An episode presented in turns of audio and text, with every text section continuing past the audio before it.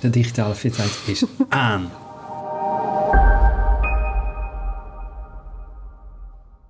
Welkom bij de podcast Digitale Fitheid. Mijn naam is Liekle de Vries en ik ben jouw gastheer. Bij mij zijn Martijn Aslander, co-founder van digitalefitheid.nl en Marie-Louise Borsje, ons zeer gewaardeerde gast.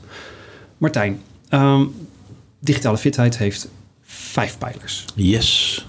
Welke pijlers zullen we er vandaag eens even uitpakken? Nou ja, bij, bij, ehm, bij Marie-Louise denk ik altijd aan pijler 4, digitale vaardigheden. Ehm, maar eigenlijk ook aan pijler 1, eh, digitaal bewustzijn. Daar heeft ze echt heel veel in uh, betekend al voor een hoop mensen in dit land.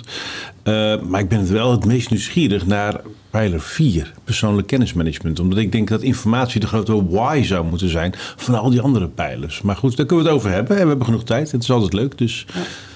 Vandaar. Nou, wat dat treft natuurlijk, en daarom zit ze natuurlijk ook hier. Um, Marie-Louise is zoveel mensen, zoveel manieren om om te gaan met kennis en informatie. Uh, daarom hebben we elke keer een andere gast uh, die ons vertelt over haar digitale fitheid, of misschien wel onfitheid. Dat mag je zelf besluiten. En um, uh, ik ken jou als een van de trekkers van de Ambtenaar 2.0 beweging. Dat is alweer echt een ijstijd geleden lijkt het wel. Wanneer begon dat? Wanneer was dat? 2009. 2009, ja. Dus ja. ruim tien in jaar 2018 hebben we gezegd van nou is het mooi geweest. Ja, ja nou uh, houden we op met 2.0 aanduidingen en dan komt er iets nieuws.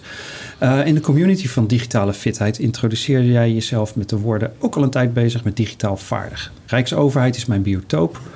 Uh, een organisatieontwikkeling hou je daarmee bezig. Mensen willen best wel, maar doen, dat is een ander verhaal. Ik werk aan bewustwording en blijf enthousiast laten zien wat ik nou weer kan. Nou, welkom Marie-Louise. Ja, dank je. Uh, we trappen af met uh, tien vragen die ik aan iedere gast stel. Um, en ik wil dat je het eerste antwoord geeft wat in je opkomt. En je hoeft het ook verder niet uit te leggen. Um, uh, de vragenlijst komt van Bernard Pivot, die dat ooit een keer in een Franse talkshow voor het eerst introduceerde. Wat is je favoriete woord? Eigenlijk.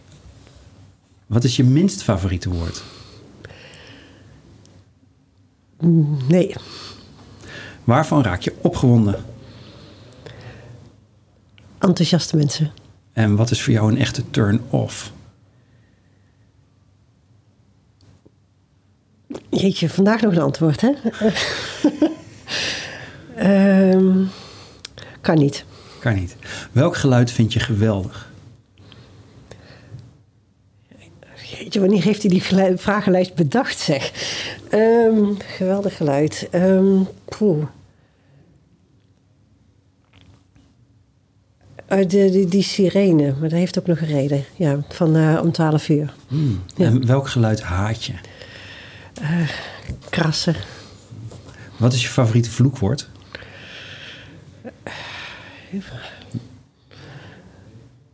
ik denk wel de GVD. Maar dan voluit? Godverdomme. Ja. En welk ander beroep dan je eigen beroep zou je wel eens willen uitproberen? Uh, meubelmaker. Welk beroep zou je nooit willen hebben? Mijn god. Um, politicus. En wat hoop je dat men later over je zegt wanneer je eenmaal niet meer op deze planeet bent? Um, uh, dat is blij werden van me. Wat een mooie lijst antwoorden. Dankjewel. Jeetje, wat een ellende. Nee, hartstikke leuk. Ik pak je nog wel een keer terug. Ja, dat is goed, dat is goed. Um, hey, vind jij jezelf digitaal fit? Nou, het kan altijd beter. Um, nee, ik ben niet echt super uh, digitaal fit. Ik uh, ben wel nieuwsgierig. En op het moment dat ik het niet begrijp en ik denk van... hé, uh, hey, hoe zit dat? Dan ga ik wel op zoek. Dus het is... Um, uh, ik heb laatst nog een cursus gedaan. Ik dacht van, oh ja, hoe zit het eigenlijk met mijn eigen digitale vaardigheden? En toen heb ik van die boekjes van uh, Microsoft uh, gekocht, die van PowerPoint. Ja, die zijn super gaaf. Dus dan heb je zo s ochtends vroeg en dan denk ik van... oh, ik heb nog een half uurtje voordat dat we beginnen. Weet je wat, ik pak het boekje erbij en dan doe je zo'n lesje. En dan... Dat is leuk. Dat is echt heel gaaf. Het, ja, het stelt niet zo heel veel voor, maar het was wel erg leuk maar dat geeft mij het gevoel dat je inderdaad ook elke dag uh, bijna kijkt over naar, naar hoe je nog weer beter zou kunnen worden. Dus dan is het misschien ook wel logisch dat je jezelf niet per se altijd super top fit vindt, omdat er altijd iets is waar je nog weer. Ja, van die hele hoop dingen die ik niet ja. begrijp. En uh, ja, waarvan ik wel nieuwsgierig ben van hoe zit dat dan? Ja. Nou. Kun je iets voorstellen bij de term informatieliquiditeit? De wat? hè? Informatieliquiditeit. En eh, waar had je daarbij gedacht? Nou ja, wat roept het bij jou op? Informatie tussen mensen bewegen, Ja. zoiets? Martijn? Hij heeft hem uitgevonden. Ja, ja. Oh, oké, ik heb, Nee, ik heb ja. niet gelezen. Dat geeft, eh, dat geeft niks, hartstikke leuk. Nou ja, je zou kunnen zeggen dat ehm, informatie een vorm van kapitaal is. Informatiekapitaal. Want er zit heel veel waarde in alle kapitaal, in alle informatie die je ooit vergaard hebt. En eh, met een knipoog zei ik daar ooit een keer over, maar die is blijven hangen. Joh, eigenlijk hebben we dat informatiekapitaal van ons hebben we allemaal in oude sokken gestopt. En met geld vinden we dat raar, hè? Want ja, dat zit lastig in de winkel en zo. Maar die oude sokken, als het gaat om ons informatiekapitaal, dat zijn mappen, submappen en documenten. Dat, dat, dat kapitaal ligt daar maar een beetje dood te zijn. En eh, je hebt niks aan informatie als je het niet kunt inzetten op het moment dat je het nodig hebt. Dus ik heb daar het woord informatieliquiditeit aan, Oh, eh, voor, voor uitgevonden. Eh, en ja, de een die pikt het acuut op en de ander zit me echt aan te kijken van... ik heb echt geen idee waar dit over zou kunnen gaan. Maar de metafoor is wel interessant. Want je zou kunnen zeggen dat in onze harde economie hebben we monetair kapitaal en geld. En dat willen we liquide hebben. Dat stop je niet alleen in bakstenen en aandelen. Moet dat, wil, rollen. dat wil je ook kunnen uitgeven in een webshop. Of eh, voor een patatje of een ijsje. Ehm, je zou kunnen zeggen dat sociaal kapitaal de currency is van de netwerksamenleving. En het informatiekapitaal een currency is van de informatiesamenleving. En alleen ja, dat kapitaal, dat krijgt, daar krijg je nu geen rente op. Want ja, informatie die niet met elkaar verbonden is waar je niet bij kan, ja, dat ligt daar, dat is een dood kapitaal, dat is zonde. Ik heb wel eens eh, de ehm, beeld van eh, informatie van een organisatie. Die zweeft eigenlijk als een wolk erboven. Hè? Ehm, heel veel mensen weten iets. Maar ehm, ik weet niet dat jij niet weet dat ik het niet weet. Of dat ik het wel weet, zeg maar. Dus dat is ook zoiets van... hoe kom je erachter dat iemand iets weet wat jij nodig hebt? Ja. En vooral een organisatie die al een behoorlijke geschiedenis heeft. Hè? Dus dat wordt zo'n zo'n wolk van kennis. En hoe ga je dat aanraken en hoe kom je daarbij? Ja, dat is de wolk. Maar soms heeft het geregend en dan ligt zeg maar uit die wolk ligt die informatie in het moeras van verdwenen notities. Dan kom je er nooit meer achter. Nee, of mensen verdwijnen en dan weet je het ook niet meer waar Ja. het is. En dan hebben we het erover van eh, hoe zorg En je ervoor hebben dat ze je... ook geen actieve herinnering eraan. Ja, dan ben je het in één keer eh, kwijt. En eh, dat, is, dat is jammer. En soms heb je van die mensen... Ik vond het wel leuk om eh, zo iemand tegen te komen. Die zegt dan van... ehm, ja, ik ben zo'n kletskous. En ik ga overal kijken van wat... ehm, eh, dan ben ik aan het vertellen wat ik allemaal weet. Maar andere mensen vinden dat heel erg irritant. Want ja, die zijn druk aan het werk. Maar wat zij aan het doen is... is eigenlijk een soort van ping uitzenden. Zo van, waar zit iemand anders zoals ik... met informatie waar ik iets mee kan? Je zou eigenlijk een heleboel van dat soort mensen moeten hebben, want die weten precies. Hier is een woord voor. Malcolm Gladwell heeft dat woord gebruikt in zijn boek The Tipping Point, het omslagpunt over hoe verspreid je een sociale epidemie. Er is zelfs een hele leuke Nederlandse uitgever naar vernoemd, namelijk Maven. Een Maven is eh, een vakidioot. Iemand die over één of meerdere dingen zoveel weet dat hij niet anders kan dan dat de hele tijd aan iedereen vertellen. Dat is iemand, dat- daar raak je mee in gesprek aan de bar. En stel, stel er is iemand die is gra- grasmaaier-specialist. Nou, die heeft je al uitgelegd hoe die werkt voordat hij gecheckt heeft of jij op grasmaaiers zat te wachten. Maar dat is nou eenmaal waar het hart vol van is. Maar dat zijn eh, super, super specialisten, super vakidioten. Die helemaal lyrisch zijn over hun stukje.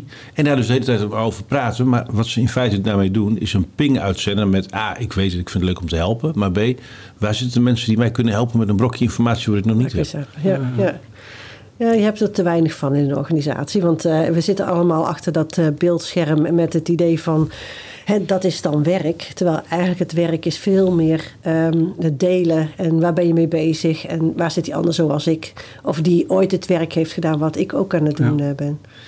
Ja. Wat was voor jou destijds de reden om, om ja, mee te gaan doen met de ambtenaar 2.0 eh, beweging, noem ik het toch maar even? Ehm, Of, of heb je hem zelfs opgericht? Want dat staat nee, maar nee, bij. David heeft hem David opgericht. van Berlo. En hoe snel eh, daarna kwam jij erbij? Ehm, David werkte bij eh, CIO van eh, Landbouw. En daar waren een aantal mensen erg enthousiast erover. En ik denk dat het ongeveer een halfjaartje later was. Ja. Ehm, ik denk dat het vooral vanwege de kansen voor organisatieontwikkeling. Dat is ook mijn, mijn vak, hè, organisatieadviseur. Um, waar ik steeds naar zit te kijken is van hoe krijg je een, een organisatie die bij de tijd is. Hè? Dus werkt op een moderne manier uh, waar het ook aantrekkelijk is voor jonge mensen om uh, ja. aan te sluiten. Um, hè, zoals we nu werken is het van, ja zo doen we dat altijd al en uh, doe maar zo als wij. En dan krijg je nieuwe medewerkers die binnen de kortste keren kleur van het behang hebben. Ja. En um, nou ja, de nieuwe techniek kwam eraan. En ik had ook wel zoiets van... Uh, ja, gaaf om te kijken van... wat kan dat dan weer betekenen voor onze manier van werken.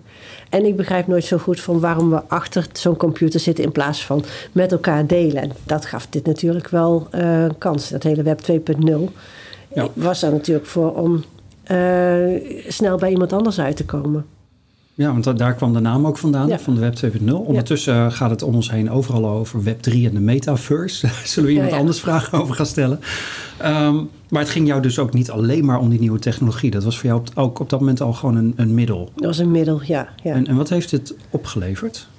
Um, nou, sowieso een gigantisch netwerk. Uh, met allemaal mensen die zoiets hadden van... ja, ik wil... Uh, ik heb andere mensen nodig die mij ook uh, voeden. En hey, wat gaaf dat er in gemeente uh, daar uh, dingen gebeuren waar ik ook mee bezig ben. Um, hey, we zijn allemaal met dezelfde vraagstukken bezig. Dus people like me vinden. het is wel een enorme bubbel geworden. Dat vind ik jammer van Twitter op dit moment, want mm -hmm. mijn bubbel is weg. dus ik herken het ook niet meer. Ik, ik, zie daar niet meer de mensen waar ik het eerst zo gezellig mee had. Nou ja, en, en dingen als um, waarom zouden we zelf het wiel uitvinden als het al ergens anders uh, ligt? Uh, dat heeft het in ieder geval opgeleverd. Maar, maar wielen uitvinden is wat organisaties toch heel graag zelf doen over het algemeen. Ja, vind je? Een beetje zonde van nou, je tijd, hè? Dat ben ik met je eens, maar ja. dat is wel wat ik vaak toch zie gebeuren.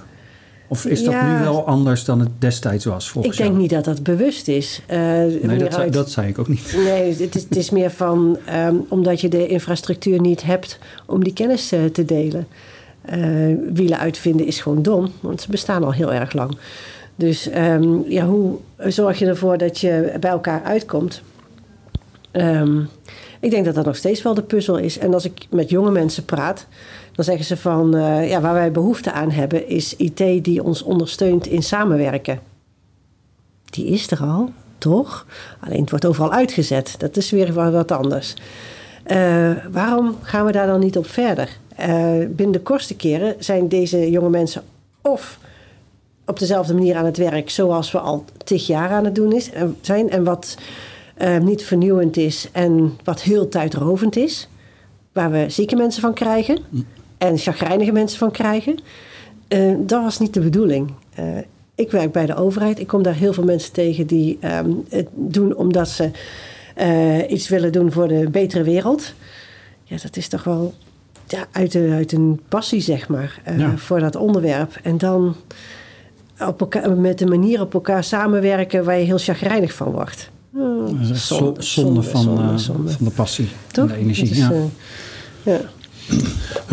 In de documentaire die we maakten um, uh, voor het KNVI, die heet Wat is kenniswerk, um, een beetje aangetoond dat een deel van die um, huidige werkwerkelijkheid op kantoren eigenlijk de oorzaak heeft in dat we in de jaren 70 software zijn gaan ontwikkelen waarmee we de jaren 70 kantooromgeving gekopieerd hebben. Dus daarom ziet de prullenbak op je computer ook uit als een prullenbak. Dan denk je namelijk, hé, hey, de prullenbak. En ik heb een beetje het gevoel dat die staande en liggende A4'tjes... waar veel organisaties zich uh, uh, ja, mee bezighouden... Uh, PDF, Doc, XLS en PPT... dat dat gewoon kopieën zijn van de jaren 70 kantooromgeving. Ja. Waardoor we eigenlijk nu nog steeds volgens de jaren 70 kantoorparadigma's werken. En dat dat misschien een van de grote remmende factoren is. Hoe zie jij dat? Het zit, zit absoluut in de stenen. Uh, wij hebben in uh, 2011 hebben we een, een tentoonstelling gedaan. Kantoorevolutie. Hmm. Kan je nog op internet vinden. Kantoorevolutie.wordpress.com. En um, dat was een fysieke uh, tentoonstelling met gewoon drie werkplekken. Uh, jaren 60, jaren 70, 80 en 90. En um, uh, het leuke daarvan was dat mensen dus uit de lift kwamen en die zagen die werkplek en die begon te vertellen hoe het vroeger eraan toe ging. En toen vertelden ze op een gegeven moment van uh, ja, en toen kwam die printer. Nou ja, echt fantastisch, want dat scheelde zo heel veel werk. Hè? Je hoefde niet meer naar zo'n stencilapparaat en zo. Ehm, maar er zat wel een probleem aan. Namelijk, ehm, eh, ze hadden altijd doorslagen. Weet je wel, die kleurtjes eh, doorslagen. En dat ging dan in verschillende mappen. Voor de afdeling financiën, voor de controllers en zo. Maar ja, dan krijg je een printer. En dan komt er vier keer wit uit. Vier keer een wit vel. Hoe doe je dat dan met je mappen? Waar is die dingen in moeten. Dus ze maakte schablonen met eh, roze map, gele map, groene map op het witte vel gedrukt.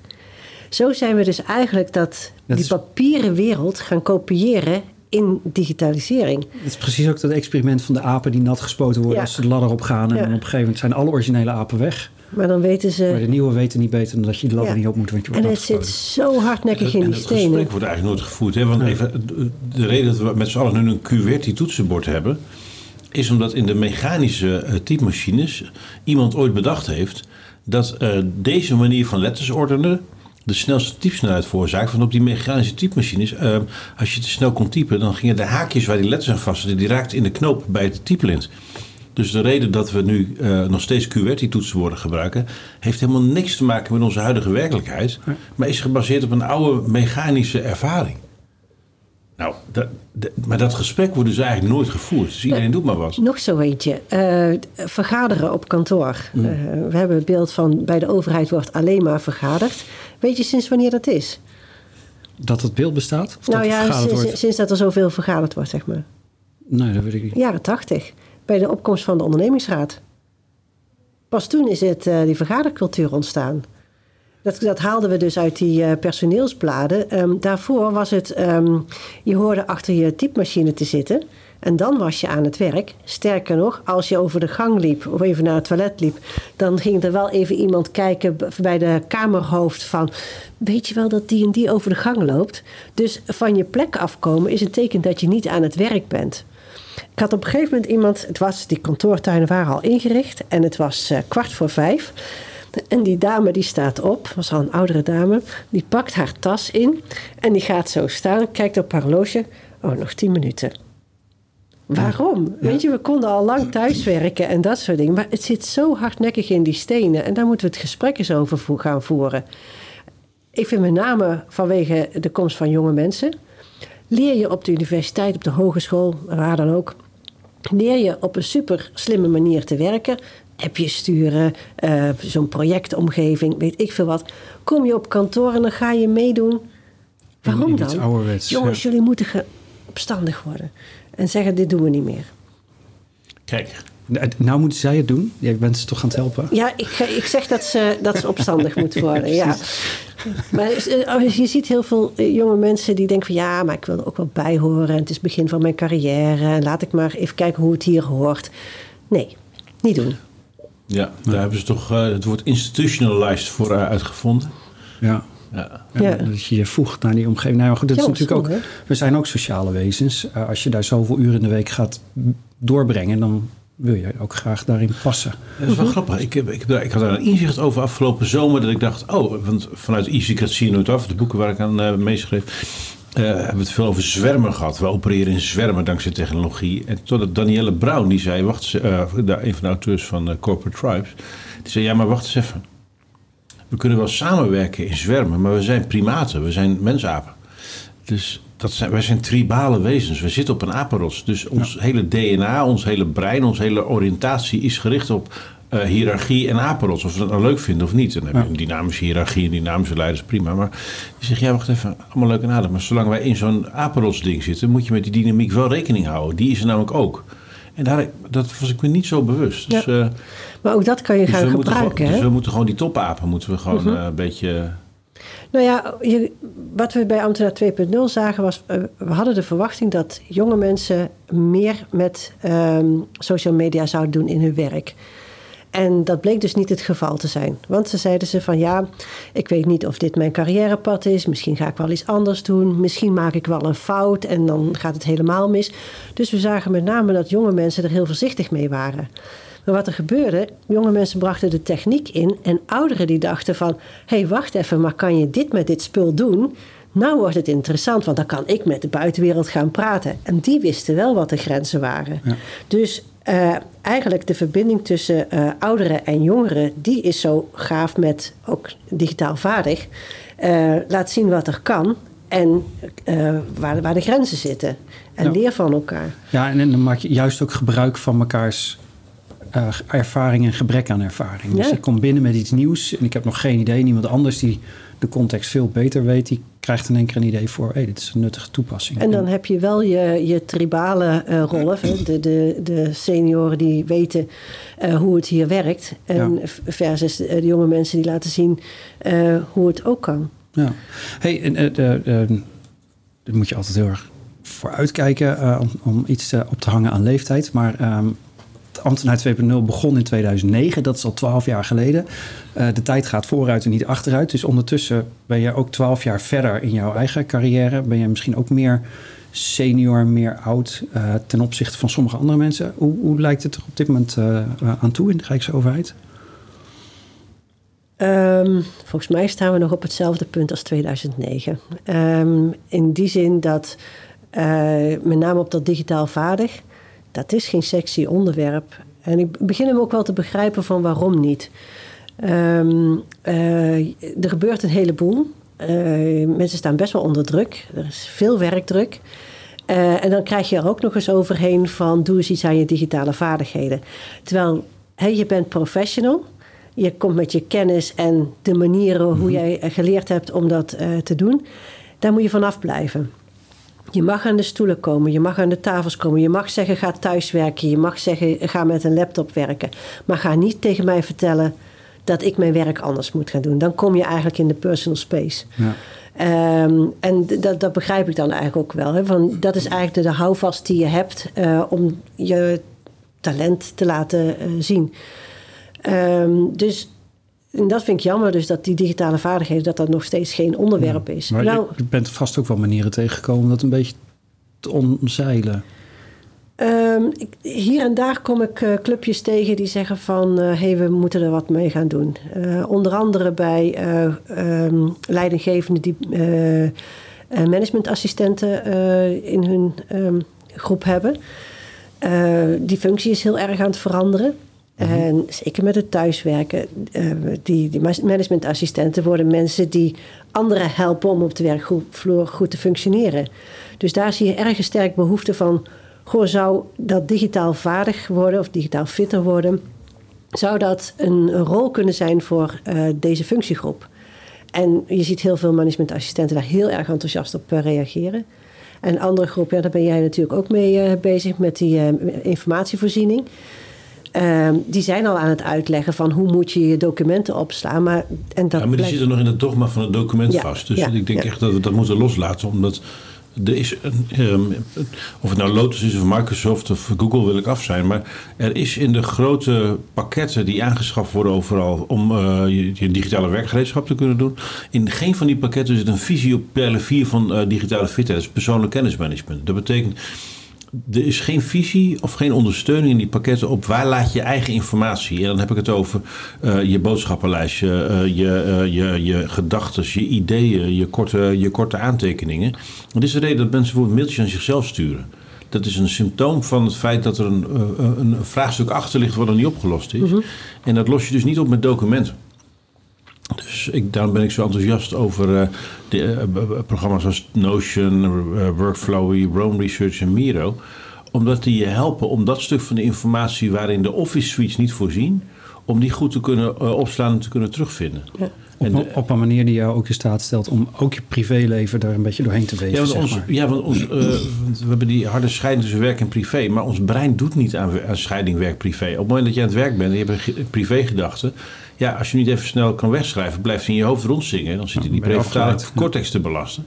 En als je thuis bent, denk je aan dingen van je werk. Dus die debiele scheiding, daar moeten we af zijn. Maar wij doen de hele tijd alsof, je, alsof werk en privé verschillende dingen zijn. Maar je bent gewoon mens. Ja.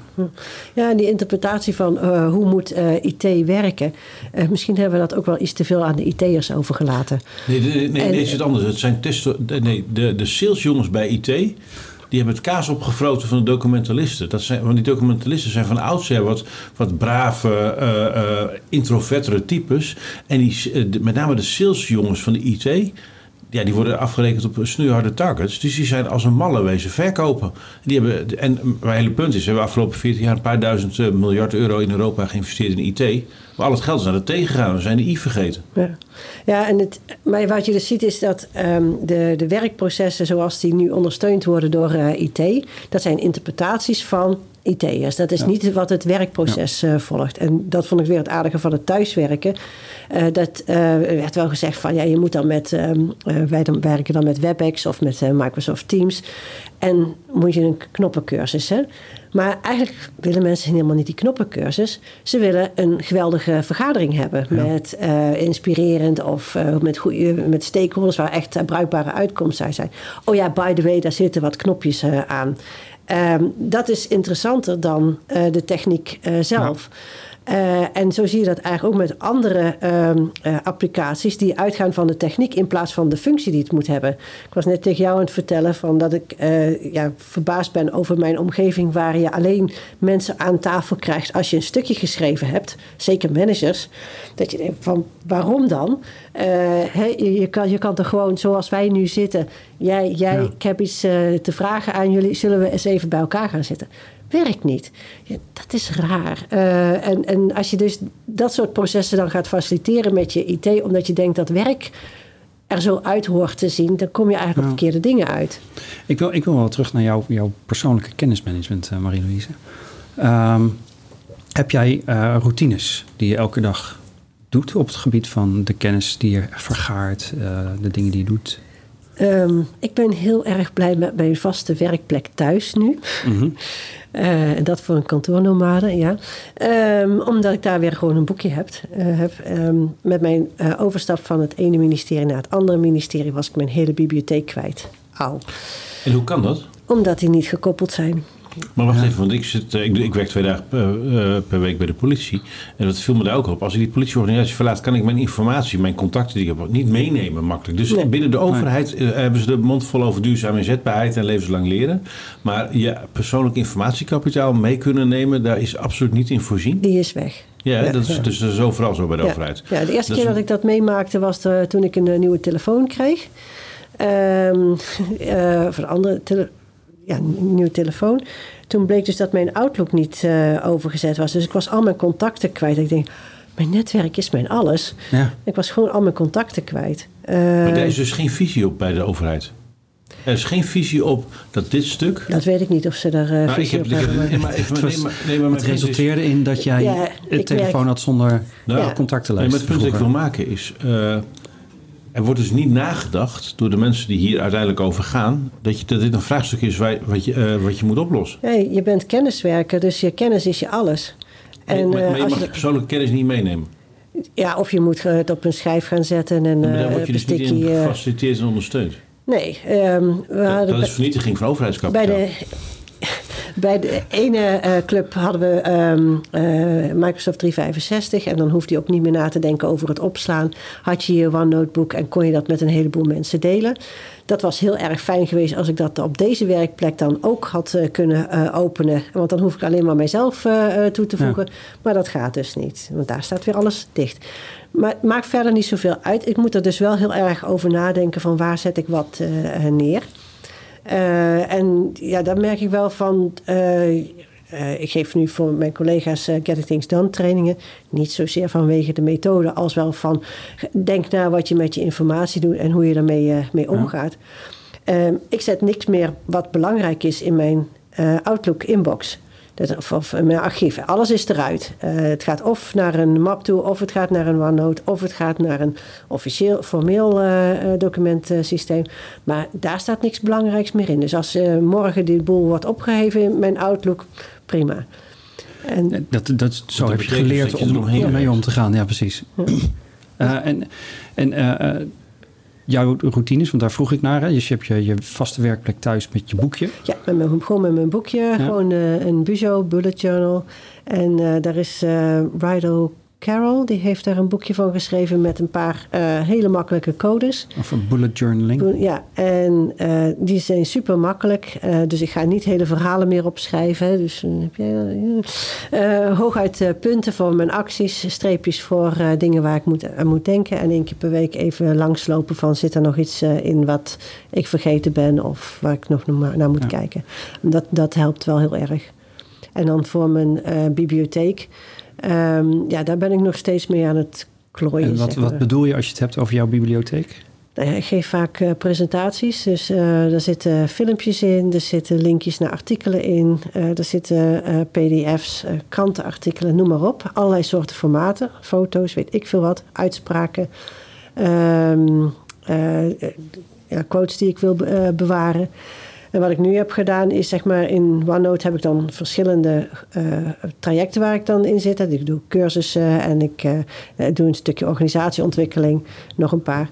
En daar heb ik uh, aan het begin van iedere map heb ik zeg maar een kleine bibliotheek gemaakt in OneNote. Dat, zo los ik het even tijdelijk op. En, en wat bedoel je met een bibliotheek in OneNote? Ja, dat zijn gewoon linkjes. En uh, als ik daar als ik iets van een quote tegenkom, dan staat dat ook in die bibliotheek. Dus dan heb ik één map met die heet bibliotheek en daar staat uh, alle type informatie in. Oké, okay, dit is wat ze in PKM dan een, een map of contents noemen. Dus dat je een trucje maakt, een pagina met een verwijzing naar pagina's. Dus eigenlijk je eigen index, zodat je spullen kan terugvinden. ja. ja. ja. ja. En dat gaat redelijk. Uh, ik, ik, zou er wel beter in willen worden.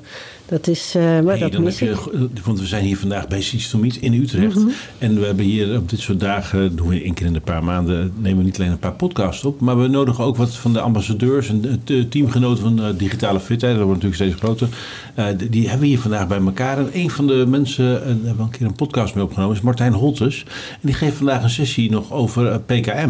Oh, Persoonlijk kennismanagement. Dus, en die heeft daarvoor in de cursus gezeten van een van de voorlopers wereldwijd hierop. Want na David Allen de grote naam in opkomst is uh, Thiago Forte, de bedenker van de paramethode. En uh, Martijn heeft lessen bij me gevolgd, dus die kan die kennis zo aan jou doorgeven. En als jij het dan weer aan al die andere mensen geeft, dan super, komt het misschien wel nog goed met de overheid en de digitale fitheid. Nou, nou kan ik natuurlijk geen, geen vraag meer aan Marie-Louise stellen, want nou wil ze Oké, okay, maar dat, dit, um, uh, je had het net ook al over dat je cursus geeft, Getting Things Done. En dat hoor ik ook een beetje terug in, in jouw manier van werken. Uh, je hebt lijstjes en je hebt ook een ritme gevonden... waarin je die lijstjes één keer in de zoveel tijd opnieuw bekijkt... Mm -hmm. en ziet wat er nog overblijft. En dat is een beetje jouw uh, vaststaande manier van werken.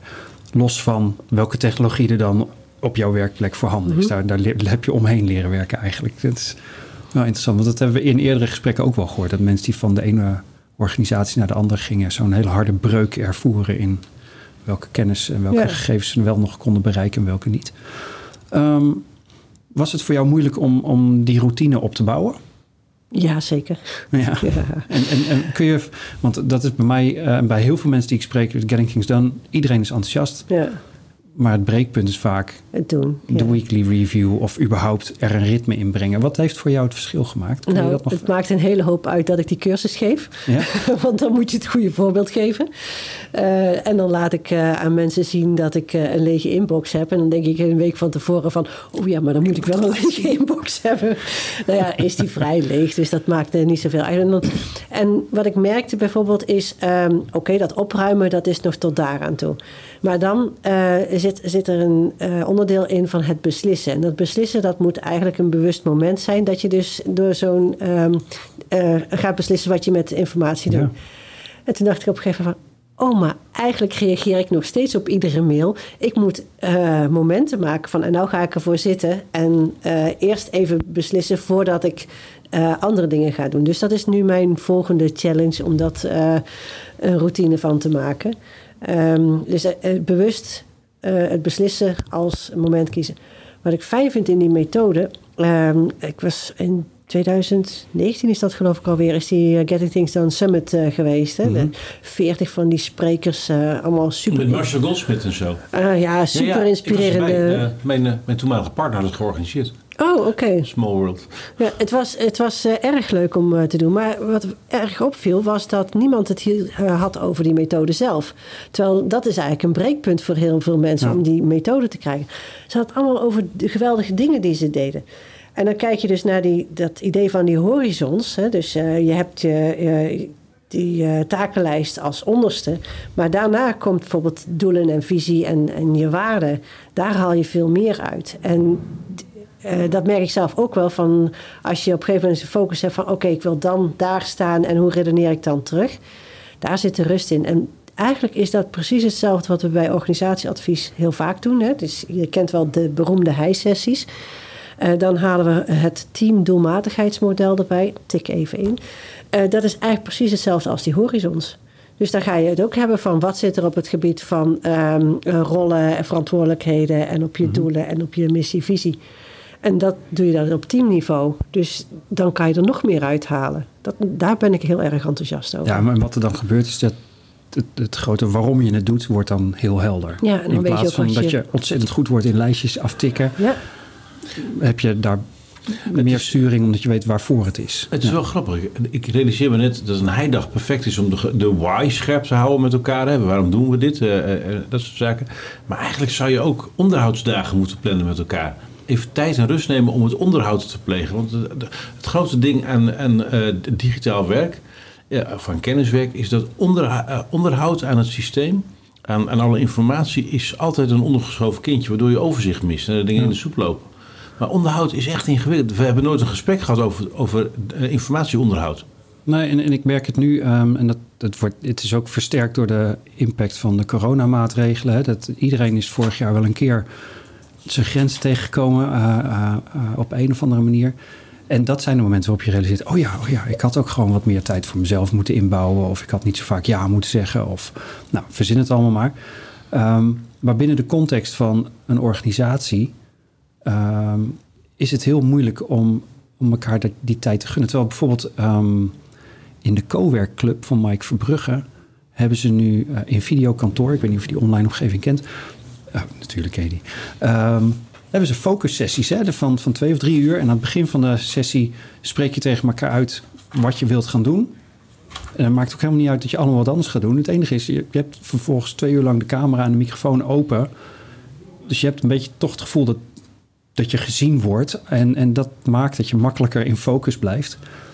En elke organisatie zou gewoon kunnen zeggen van... Uh, uh, dit is het moment van de week waar we met z'n allen een uur of twee uur ons onderhoud doen. En dan storen ja. we elkaar niet. En dan ga je gewoon je lijstjes door. En uh, de eerste manager die dat laat sneuvelen, die schoppen we eruit. Want die is slecht voor onze organisatie. Er is een woord hiervoor, dat heet het Hawthorne-effect. Uh, dat is volgens mij in de jaren 30 van de vorige eeuw al ontdekt.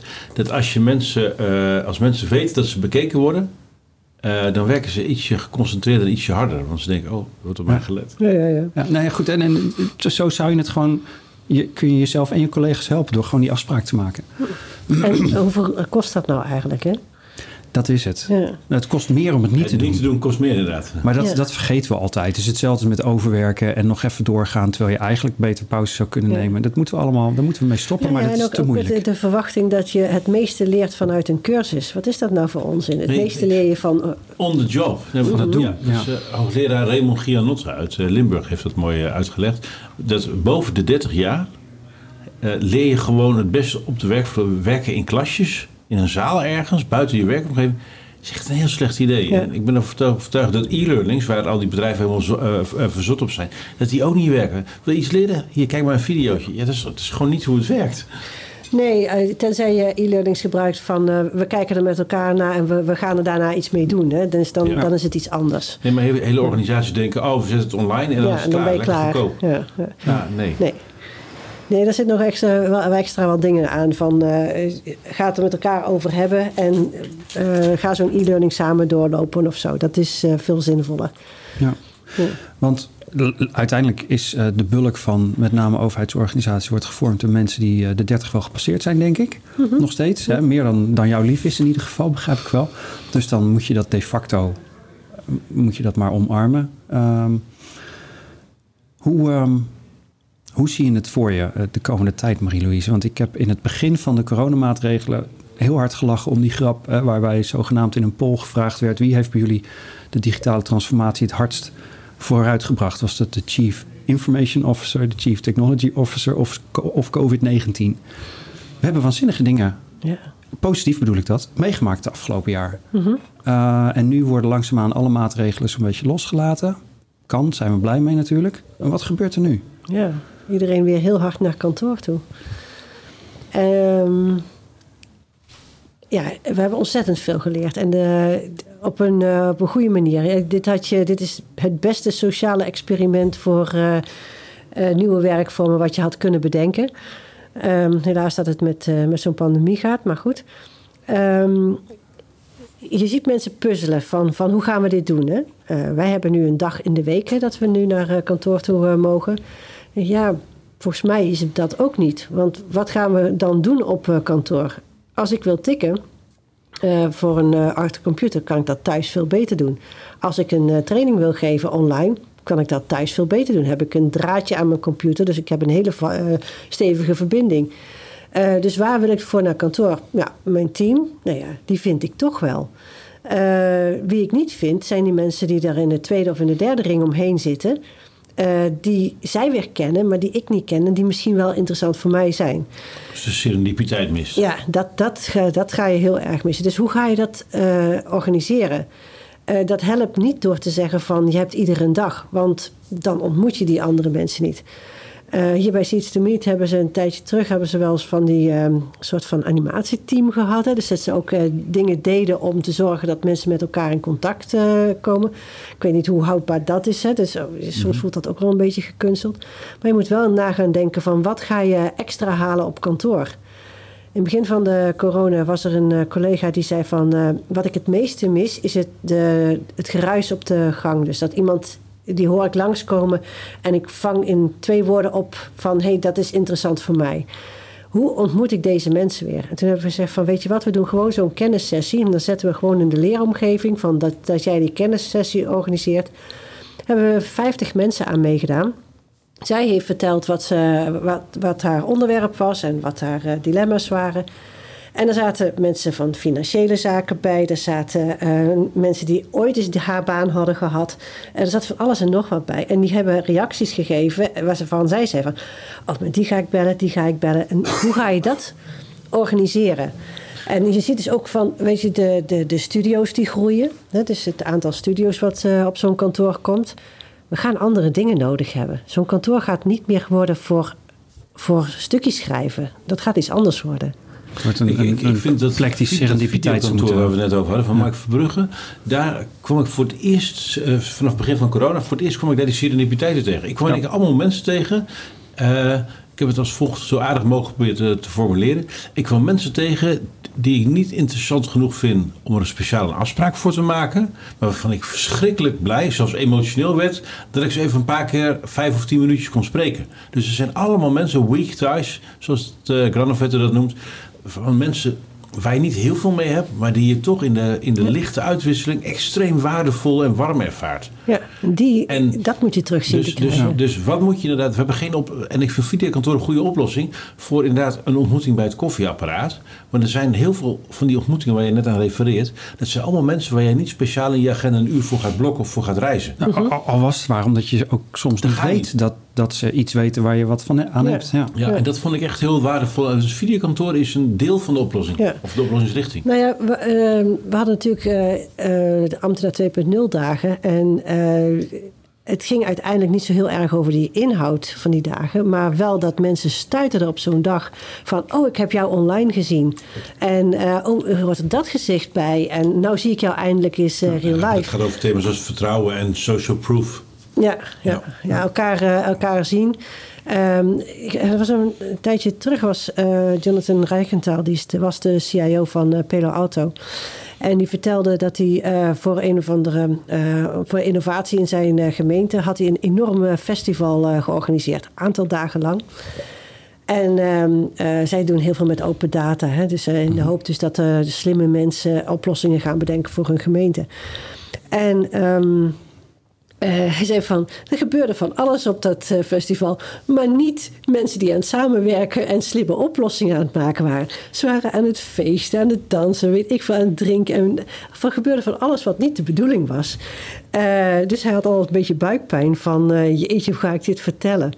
tot drie maanden later het ene briljante idee na het ander kwam binnen. Want die mensen hebben elkaar dus daar gevonden. Ja. En die sfeer moet je dus zien te creëren met een... Dat kun je met een kantoor doen. Of met een werkomgeving, fysieke omgeving. Uh, en ja, vertrouw daar inderdaad op wat jij zegt. Hè, van de, dat daar uh, dan de goede dingen gaan uh, gebeuren. En wat, wat ik zei van ambtenaar 2.0 dag. We hebben daar alleen maar aangegeven.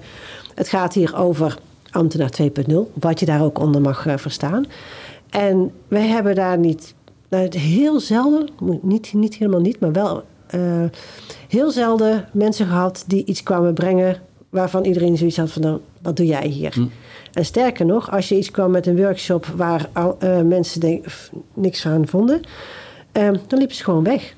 Die hadden zoiets van, we hebben Stemmen, zoveel keus. voeten. Ja, precies. Ja. En je weet toch wel wat er moet gebeuren. Vertrouw daar maar op. Ja. ja. Jij uh, refereerde straks van, goh, in de jaren 80, dankzij de opkomst van ondernemingsraden, uh, is die vergadercultuur eigenlijk ontstaan. Uh, wat is er in de jaren 90 en de jaren 2000 gebeurd in die, in die lijn?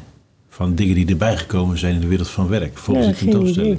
Voor die, volgens die tentoonstelling. Um, uh, dat, dat verhaal had ik van een uh, oud PNO die heel graag naar een overleg wilde waar zijn manager naartoe ging. Alleen managers waren aan het vergaderen overigens, uh, niet het gewone personeel.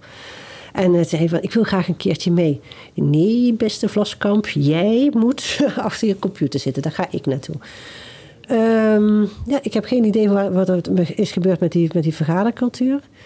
Uh, dat uh, de digitalisering, uh, die heeft natuurlijk wel gezorgd voor steeds meer berichtjes aan elkaar schrijven en elkaar ook niet meer face-to-face -face, ontmoeten. Mm -hmm.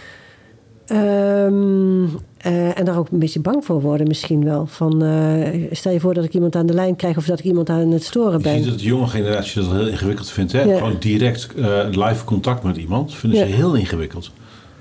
Ja. Um, ja. Wij zagen uh, dat uh, het online samenwerken is niet van de grond gekomen, ook niet in de jaren negentig. Ja, we zijn gewoon die, die uh, computer gaan gebruiken als een typemachine, precies ja, wat je zei. Dat is, en, en je, je inbox is je deurmat die helemaal volgestroomd Mensen is. denken inderdaad dat, dat e-mail en werk hetzelfde is. Ja. Terwijl we gewoon weten van, joh, we denken, maar, dat, maar ik, is het, zou het in andere landen anders zijn? In Nederland is het natuurlijk heel Calvinistisch. Wij denken dat als iemand inderdaad niet achter de computer zit, is hij niet aan het werk. Als hij in het gras ligt, is hij aan het luieren. Terwijl je eigenlijk, zeker bijvoorbeeld bij de recherche waar ik veel kom, ja, je onderbewuste weet meer dan je bewuste. Dus ja, als je een moeilijke zaak wil oplossen, kun je beter even gaan wandelen, gaan douchen, in bad gaan liggen of, uh, of uh, naar, in, naar de wolken kijken. Maar ik vraag me af of juist in uh, Nederland en misschien wel de uh, Noord-Europese landen, dat er naar verhouding toch meer het idee hebben van dat luieren moet kunnen. Uh, en dat de vakantie er ook bij hoort. Want als je bijvoorbeeld kijkt Anglo-Saxische landen, hoe daar de druk ligt op prestatie en um, alsmaar aan het werk zijn. Hè, wat al bij jongs af aan bij die, bij die kinderen begint: huiswerk, huiswerk, huiswerk. En, en altijd maar aan het werk zijn. ja, maar misschien heeft, heeft, heeft het ook wel tot een soort van hardere verdeling geleid van... nou, je hebt genoeg vakantie, dus nu ben je hier op kantoor... en dan wil ik je zien werken. Ja. Um, ik heb een aantal mensen gesproken het afgelopen jaar... die heel veel moeite hadden met medewerkers op afstand thuis. Omdat ze dachten dat ze beter konden zien of ze aan het werk waren... en of ze iets goeds deden ja. als ze bij hen op kantoor waren. En die zijn allemaal erachter gekomen dat... Nou, op een hele enkele uitzondering, nou, iedereen gewoon prima weet wat hij te doen heeft. En dan ook betere keuzes maakt vaak, omdat ze, nou ja, vaak wel een reden hebben om het werk te willen doen. Hè? En dan, dan kiezen ze, als ze wat meer een eigen ruimte daarvoor krijgen, kiezen ze ook de betere manier om dat werk goed gedaan te krijgen. En dan heb je er als baas eigenlijk, loop je er eerder als stoorzender tussendoor dan, dan als facilitator. Zou het misschien ook te maken kunnen hebben met het, uh, de status die druk zijn heeft? Ja, ik denk dat hoor ik uh, van veel mensen. Hè. Je, moest, je moest druk, druk, druk zijn, ja. uh, want anders dan... Ik heb het wel eens gevraagd aan een leidinggevende van. Zeg ja. van, joh, als ik nou zeg dat ik het niet druk heb... Ja. Uh, wat, wat, wat dan? Hij zegt, nou ja, dat kan je wel tegen mij zeggen. Het was ook een van de weinige leidinggevenden die zegt van... Uh, als jullie vragen, en vroeg zei hij tegen het team... Uh, van stuur ik haar aan? Het antwoord is nee. en dan sommigen zaten te kijken van... Ja. Um, nee, natuurlijk niet. maar... Um, uh, hij zei van, tegen mij kan je het wel zeggen, maar ga dat alsjeblieft niet hardop zeggen. Dus het beeld wat uh, druk zijn betekent, uh, dan hoor ik erbij, dan doe ik ertoe. eh, dan ehm, heb ik een carrière en jij niet. Jij doet onbelangrijke dingen. Uh, daar moeten we eens een keer van af. Het is, uh, waarom waarderen we druk zijn zo erg? ik had op een gegeven moment iemand die had. Um, was voor een, voor een verjaardagsfeest. En vervolgens kreeg ik die aan de telefoon met...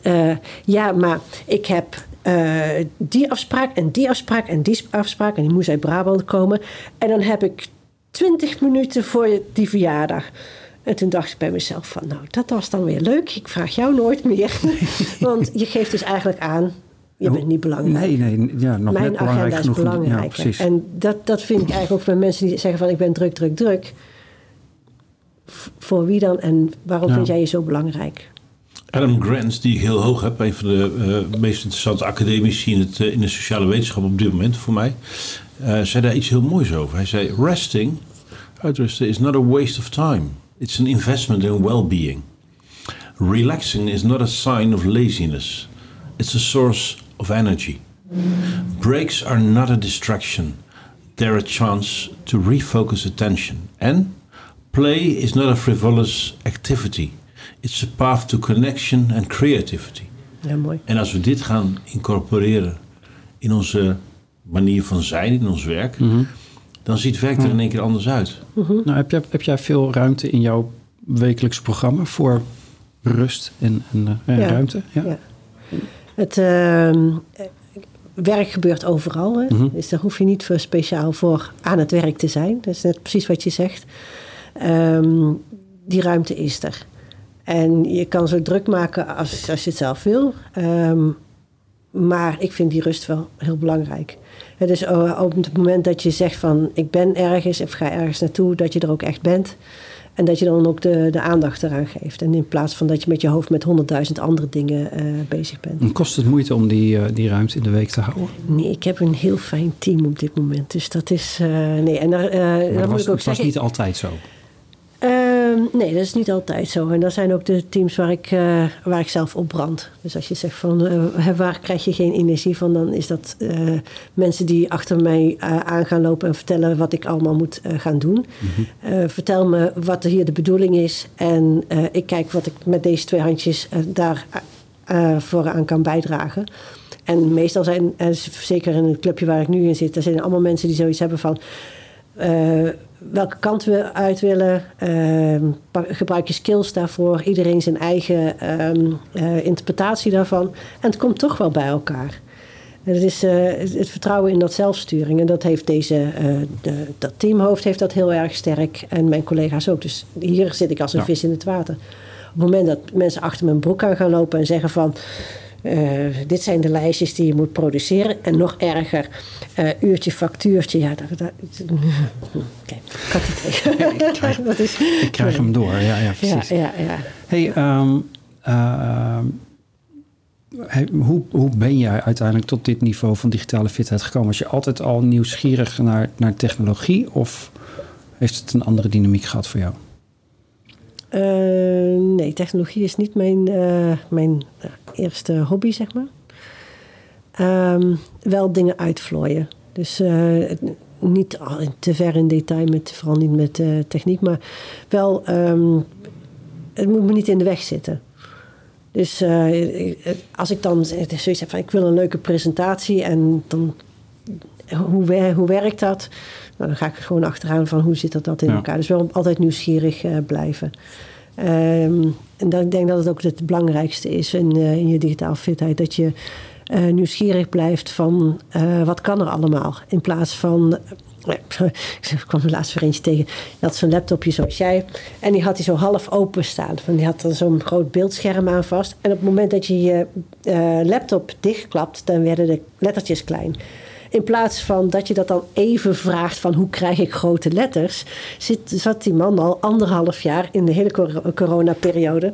Met de laptop half open. Waarom vraag je het niet even? Ja, los het op. Er zijn genoeg mensen die dat eh, weten. Dus eh, in Brabant hebben wij een uitdrukking van hoe doe jij dat? Eh, en dat vind ik ook wel een hele handige. Dus uh, huh? Kijk, kijk hoe het werkt dat en Ja. kijken of het zelf ook kan. Ja. En dus ook een, een nou ja, jou- jouw tolerantie voor dingen die net niet helemaal lekker werken is dus ook gewoon niet zo hoog. Eh, Nee, ik wil begrijpen waarom Ja. het iets niet kan. Ja. Ik had eh, deze week eh, een website die ik niet kon laten zien. En dan stel je een vraag aan een IT-helpdesk en dan krijg je een antwoord zo van... Ja, dat ondersteunen wij niet. Dan denk ik van, ah, dat is niet het antwoord wat ik wil hebben. Leg me uit. Ik wil begrijpen waarom het niet zo zit. Waarom het niet doet wat ik wil. Eh, en eh, best als het niet kan, als daar een goede reden voor is, maar leg dan wel uit wat de reden is. En ik denk dat veel mensen, weet je, dat is op een volwassen manier met elkaar omgaan. In plaats van jullie zijn een stel kleuters, je snapt niet wat hier aan de hand is. Daar kan ik helemaal niet tegen. Nee. Ja. En ik denk dat we veel te veel mensen als kleuters behandelen. Wat, wat gebeurt er als je, als je die mensen niet meer als kleuter behandelt? Zijn ze dan in één keer bevrijd? Of eh, komt er nog een fase met, met wanorde en chaos? En, Nee, ik, ik denk dat als je, als je mensen niet als kleuters behandelt, dat je ook gewoon volwassen gedrag terugkrijgt. En dat je eh, meer betrokken mensen krijgt. In plaats van eh, ik krijg een opdracht. Gewoon nadenken van wat, wat je, waar je voor je bent. Ik denk dat een deel inderdaad bij de afdeling IT is geweest. Ik merk het eh, regelmatig dat ze denken, nou nee, dan gaan we al die mensen die uitleggen, snappen ze toch niet. Waardoor je dus afhankelijk bent eh, van die afdeling IT en mensen dus inderdaad zelf dingen niet leren. Dus op die manier krijg je ook geen bewustzijn over waarom je overal een ander wachtwoord moet gebruiken en allemaal dat soort zaken. Dus een deel van de ellende wordt veroorzaakt doordat IT'ers zijn gaan nadenken voor de eindgebruikers. Ja. Nou, dat is jammer. Of niet hebben nagedacht over de eindgebruikers. ja. ja. Oké. En misschien zitten er ook wel gebruikers bij die eh, eh, inderdaad eh, beter weg van een computer kan houden. Maar eh, inmiddels zijn er, is het groepje wat eh, er wel wat van begrijpt, is ook aan het groeien. Ja. Ja. En, en, en in algemene zin mensen behandelen als volwassenen is... eh, Sowieso. Sowieso een heel goed idee. Ja, ja. hey, ehm, eh, ik vond het een heel leuk gesprek. ja. En eh, misschien is het ook wel niet het laatste gesprek, eh, maar dat zien we later nog wel. Eh, Martijn, wie mogen we voor deze editie bedanken? Nou, uit- uiteraard onze gast, Marie-Louise Porsche. Eh, en eh, ja, de geweldige mensen van, eh van Seeds to Meet in Utrecht... die deze locatie ter beschikking hebben gesteld. En de koffie en, en de drankjes. Ehm, en voor de rest eh, jou, Liekle, voor het hosten Ja. en de techniek. Dank. En, fijn. Ik vond het heel leuk om te ontdekken deze keer... dat meer mensen dan ik me bewust ben... eh, gefascineerd zijn door eh, digitale vaardigheden en deze thema's. En tegelijkertijd niet per se heel veel hebben met knopjes. Want ik, ja, ik hoor jou praten, ja, ik ben niet zo technisch. Ja, ik absoluut ook niet. Dus mensen denken altijd, die Martijn die praat hierover. En die weet alles van knopjes. Dat hebben mensen bij jou wellicht, wellicht ook. Maar ja, ik moet ook altijd om hulp vragen. Maar dat, ja, dat kan ik toevallig wel heel goed, omdat ik het wel wil weten. Dus dat vond ik heel leuk om te ontdekken in deze uitzending. Ja, nou, Ik denk dat de, de why, hè, het waarom is bij jullie heel sterk. Je wilt, je wilt je doel bereiken en daarvoor heb je eh, gereedschap nodig. En eh, ben je ook nieuwsgierig naar welk gereedschap Ja, het je, beste je is. wilt je werk goed doen en daar is het, dat is Ja. het belangrijkste. Maar je hebt een reden waarom je het wilt gebruiken. En ik denk dat dat eh, bij sommige ICT'ers wel eens mis is. Ik wil jullie ook heel erg eh, bedanken voor eh, dit interview. Nou, dankjewel. Ehm lieve luisteraar, de show notes hiervan die kun je later teruglezen op bit.ly slash show notes digitale fitheid podcast. Achter elkaar geschreven. Eh, en dit was de podcast Digitale Fitheid met Martijn Aslander en jouw gastheer Liekele de Vries. Onze speciale gast was vandaag Marie-Louise Bosje. Bedankt voor het luisteren en kijk ook eens op digitalefitheid.nl of volg ons op Twitter. Eh, Twitter.com slash digitale fitheid. Graag tot de volgende keer.